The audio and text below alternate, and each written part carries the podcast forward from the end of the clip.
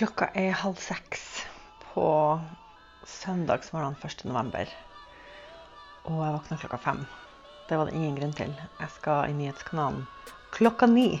Dette kommer til å bli en lang, lang uke.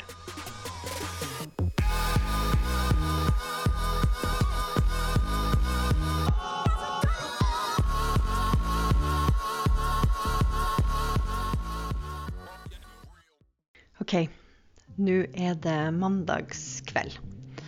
2. november. Jeg har kommet meg til Bergen. Eh, fordi jeg har blitt hyra inn faktisk av TV 2. Eh, for jeg skal kommentere valget for dem. Så nå sitter jeg her på Scandic Ørn og må holde meg våken til sent i kveld når jeg skal på i valgstudioet deres. Så eh, jeg ser frem til å oppleve det som kalles for Media City Bergen, som visstnok er der TV 2 holder til. Og så får vi se hva de har planlagt eh, i dette valget.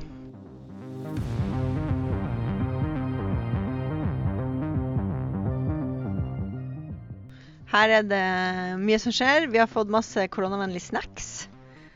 Eh, og her er da Eirik Bergesen, Hans Olav Lahlum, Henrik eh, Heldal Østensen og vår eh, kjære handler Caroline Fixer.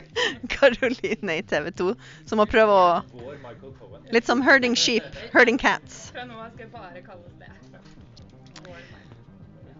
Så nå er klokka åtte, men vi skal ikke på sendinga i TV 2 sitt valgstudio før ti over halv elleve.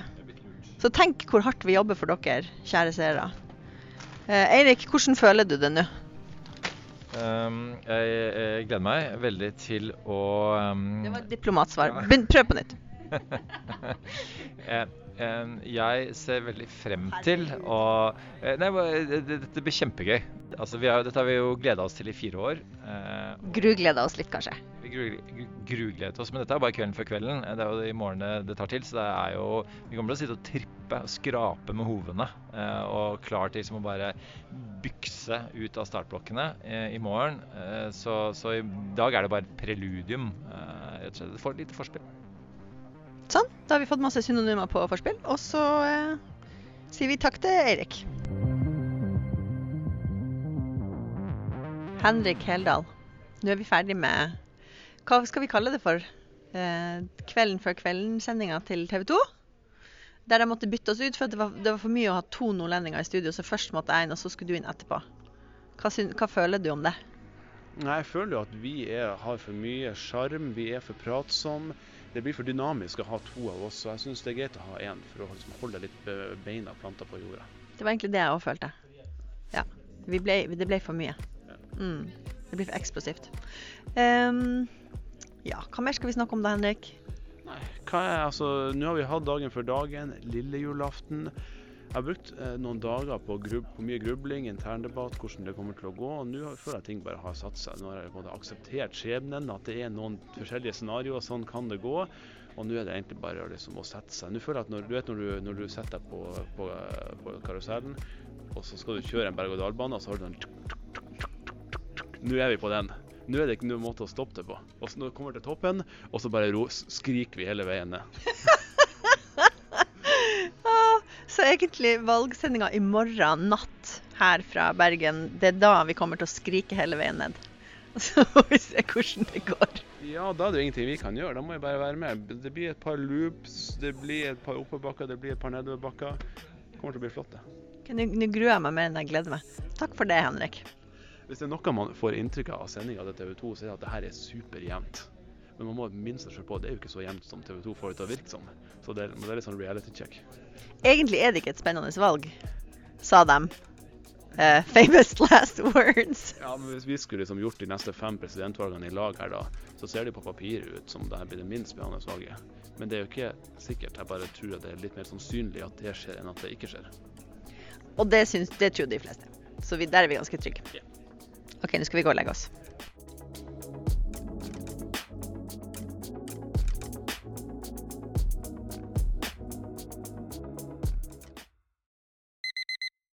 Nå er det tirsdag 3. november.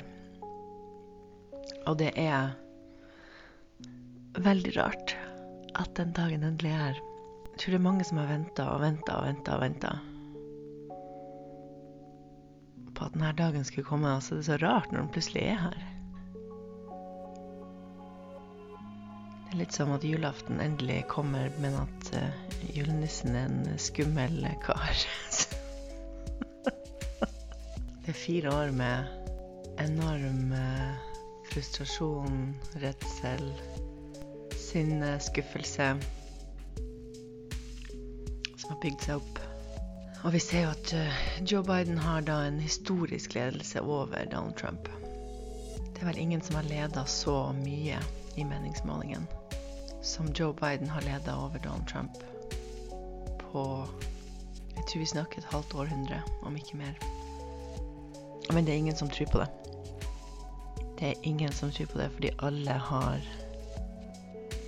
posttraumatisk stressyndrom fra 2016.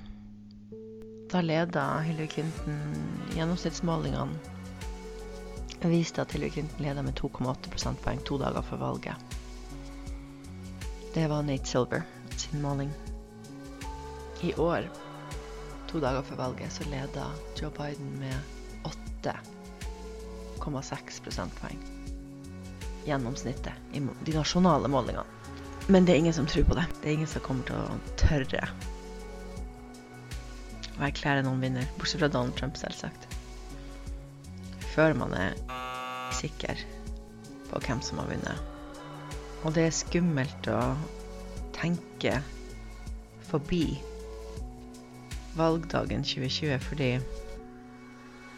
USA står overfor et en sånn virkelig fork in the road, som det heter på engelsk, som jeg tror ikke på norsk er gaffel i veien. I amuse myself. Um, fordi den ene retninga USA kan ta, er å konsolidere et illiberalt, udemokratisk, etnonasjonalistisk regime. Og den veien er så mørk og så skummel. Mens den andre veien handler om å prøve å finne tilbake til det USA har sagt at de står for. Der er Joe Biden.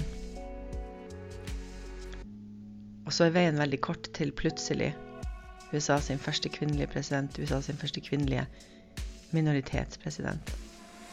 Og de to alternative framtidene er så skarpt forskjellige. Så vanskelig å skulle tenke videre fordi å skulle forestille seg hva som skjer videre, fordi de to virkelighetene er så forskjellige.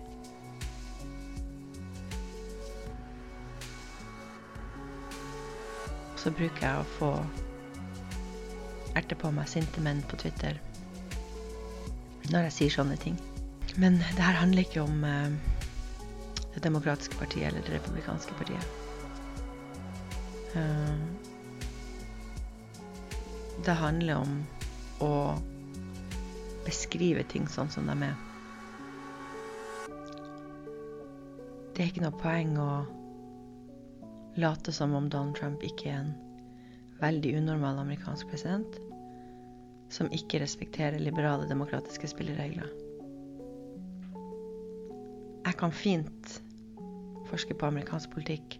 Jeg kan fint beskrive hva som skjer å være objektiv.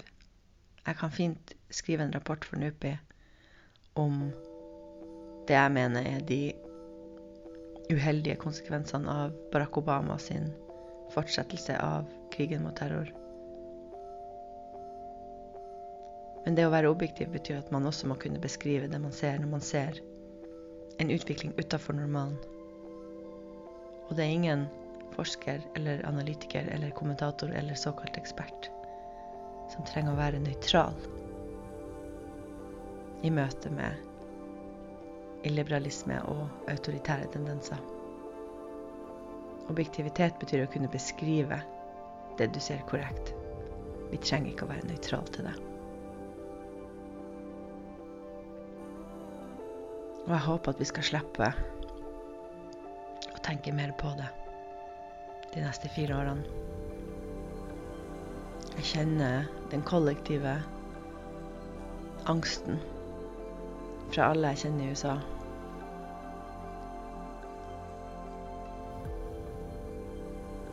Jeg håper alle skal kunne senke skuldrene litt etter dette valget.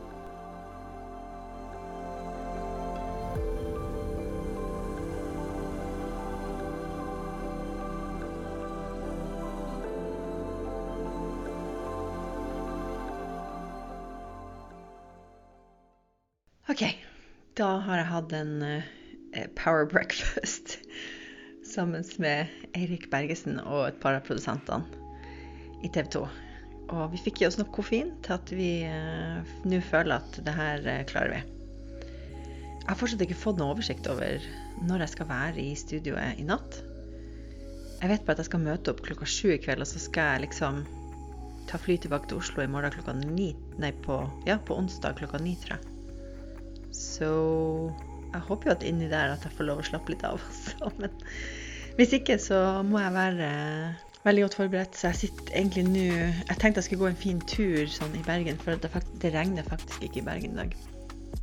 Men istedenfor har jeg gjort det? Nei. Jeg har lest 15 000 artikler. Jeg har lest om forhåndsstemmer, jeg har sjekka prosentandel av ditt og datt gjennom historien. Nå skal jeg sette meg ned og lese om eh, North Carolina fordi min kjære mann er amerikansk statsborger, og han har stemt i vippestaten North Carolina. Og det er en av de delstatene der vi kanskje vet eh, resultater eh, litt tidlig, i hvert fall tidligere enn en del andre vippestater. Så det blir veldig spennende å følge med på. Så har jeg en personlig interesse av North Carolina, så den skal, den skal jeg sette meg ned og lese om nå. Og hver gang jeg tenker at nå skal jeg kle på meg ordentlig klær og gå ut og gå en tur og få frisk luft og clear my head, så, så kom jeg på en annen ting jeg skulle sjekke, og så setter jeg meg ned foran laptopen igjen. Og så kommer de aldri ut av hotellrommet. Så innen uh, jeg blir å se i, på, på TV i natt, så er det mulig at jeg ser litt sånn bleik og skremt ut, for da har jeg sittet og nylest på laptopen min i hele dag. Oh well. Sånn kan det gå. Man kan slappe av og gå tur en annen dag. Forhåpentligvis veldig snart.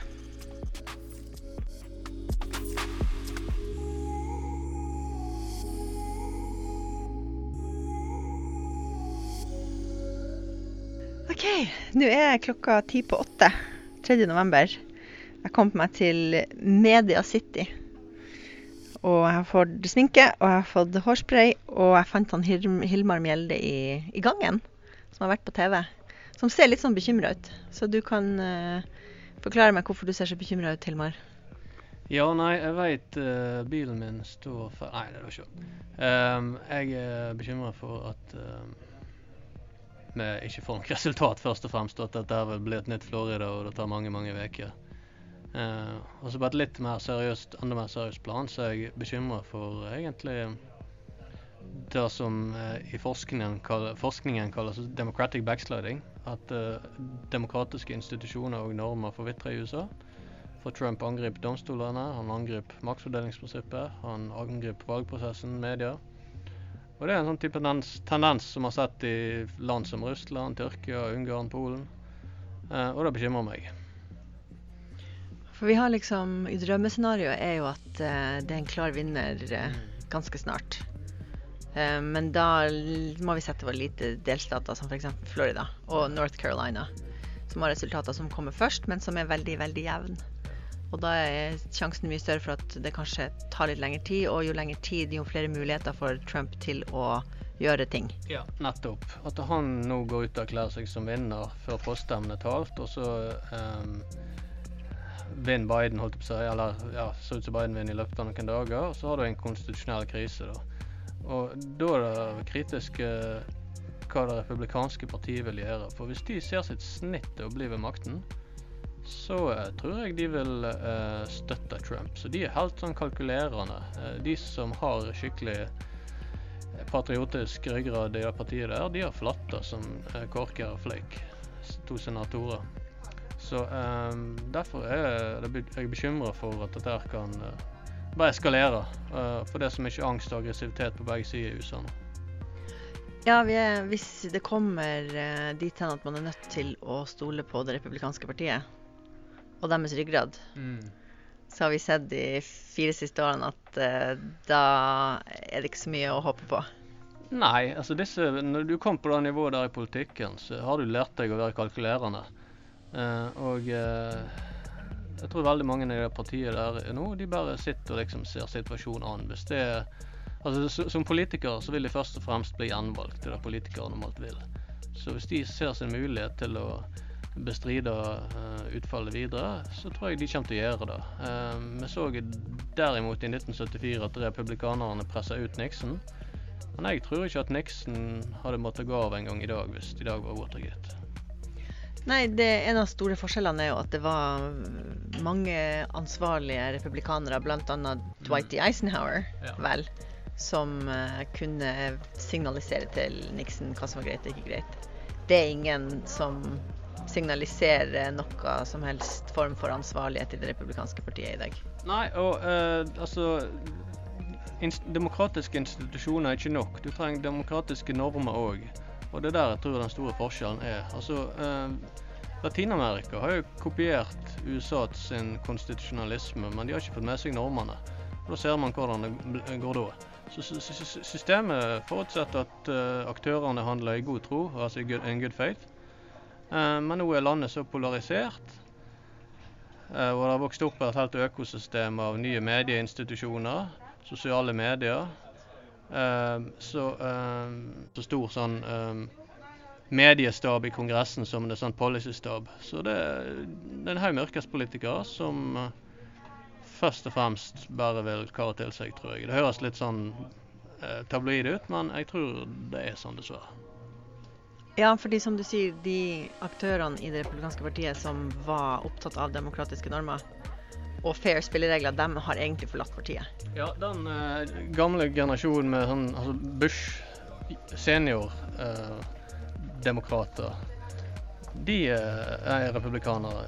De er ikke her nå. Altså Bush senior, han gjorde jo flere ting som gikk imot hans egen politiske interesse. altså flere reformer, bl.a. skatteøkningen, men òg den, den disability-lovgivningen hans. Ehm, så du trenger politikere som setter nasjonen foran sine egne interesser. og Da gjør i hvert fall ikke denne presidenten. Men Hilmar, det jeg lurte litt på, fordi at det er jo en stor forskjell fra 2016 i og med at du har en rekke republikanske aktører som har på en måte forlatt partiet, men som nå aktivt jobber ja. for å velge Biden, som jo på en måte er ganske håpfullt. Eh, blant annet er det en gruppe som heter kaller seg selv for veteranene fra eh, George W. Bush jr.-administrasjonen som har gått ut. Men George Bush jr., som jo er den levende ekspresidenten ja. som er republikaner, han forblir stille. Hva tenker du om det? Tja, jeg veit ikke om han uh, har noe uh, særlig moralsk kredibilitet igjen sjøl. Altså, um, det er han som altså, han har bidratt til den krisa som er der nå. ved den enorme strategiske blunderen han gjorde med Irak-krigen. Så jeg vet ikke hvor mange som egentlig hadde lytta til han. Men når det gjelder de gruppene du nevner, da, så er det kanskje altså, tror jeg egentlig at de nesten er kontraproduktive. For de republikanerne altså, altså, De har en sånn pekefinger, da, og, og liksom skal irettesette og, og shame en masse folk. Og, og de republikanerne som eventuelt ryker ut som følge av det, det er de relativt moderate som sitter i området der demokratene kan vinne. Eh, så, så, jeg tror egentlig det eneste de oppnår, er å skrelle vekk det siste laget relativt moderate. Så sitter du igjen med en haug med sånne gærninger som Matt Gates og sånt, som er liksom de første ut av skyttergraver og, og fram mot fronten når Trump blåser i hornet.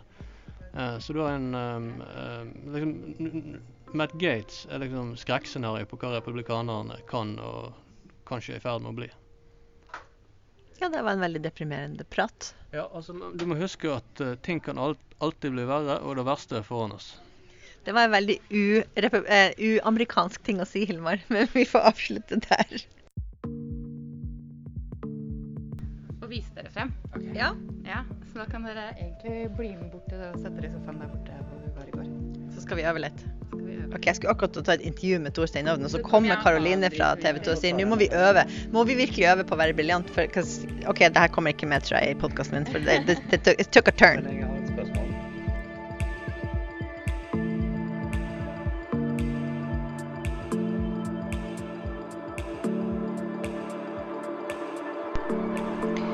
Nå er klokka snart ett på natta. Natt til eh, onsdag 4. november. Jeg har sittet i TV 2 sitt studio, egentlig live på TV, fra ti på halv ti til nå. Som er litt heftig, må jeg innrømme. Samtidig så tenker jeg at eh, det er jo kanskje den neste timen, når jeg endelig får en pause, som kanskje blir avgjørende, skulle Florida ha klart å telt opp stemmene sine raskt, og det ikke er jevnt, så har vi plutselig et uh, interessant resultat å forholde oss til. Hvis ikke så frykter jeg at det her kommer til å dra ut. Uh, og hvis det til syvende og sist handler om f.eks. Pennsylvania, så begynner jo ikke de å telle brevstemmene sine før i dag.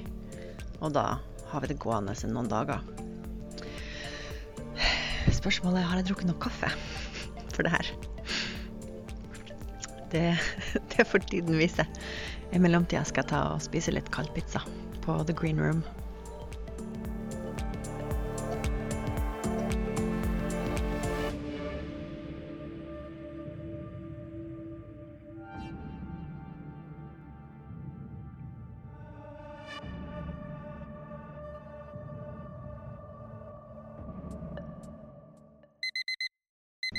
Klokka er 05.00 onsdag 4. november. Og jeg prøver å finne veien ut av TV2, TV2 sine studioer i Bergen. Nå har jeg sittet i studio nesten kontinuerlig fra kvart over ni til 05.00, og det trodde jeg ikke at jeg skulle klare. Men jeg er meg våken. Fordi istedenfor drømmescenarioet der USA gir en klar moralsk fordømmelse av Donald Trump i form av at en tidlig vippestat, altså Florida, går til Biden, så er vi der hvor målingene for så vidt viste at man kunne være. Nemlig at det er veldig Det var så jevnt i Florida en stund, og så har vi TV 2 nå erklært at, Biden, nei, at Trump har vunnet Florida.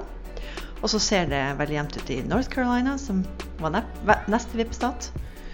Eh, som også teller ganske raskt, som også har vært veldig jevn i målingene. Og vi antar vel at uh, Trump tar North Carolina også. Og hvis det da skulle vise seg at det handler om Midtvesten all over again, så kan det jo ta dagevis før vi vet resultatet, særlig fordi Pennsylvania kan ta tre dager å telle. Og derfor er det virkelig på tide at jeg går på hotellrommet og legger meg litt nedpå, fordi snart skal jeg søren meg fly tilbake til Oslo. Og så skal jeg til Blindern, holde forelesning. Og så skal jeg i TV 2, nyhetskanalen. Ikke i Bergen, heldigvis. Bare i Bjørvika. Og så skal jeg være med på et digitalt seminar på et universitet i England for å analysere valget. Og etter det så tror jeg ikke jeg er så opptatt av hvem som vinner valget. Da tror jeg er mest opptatt av å ta meg et glass vin. For å være helt ærlig. Oi. Regner det i Bergen? Ja, det regner i Bergen. OK. What a fracking surprise that is.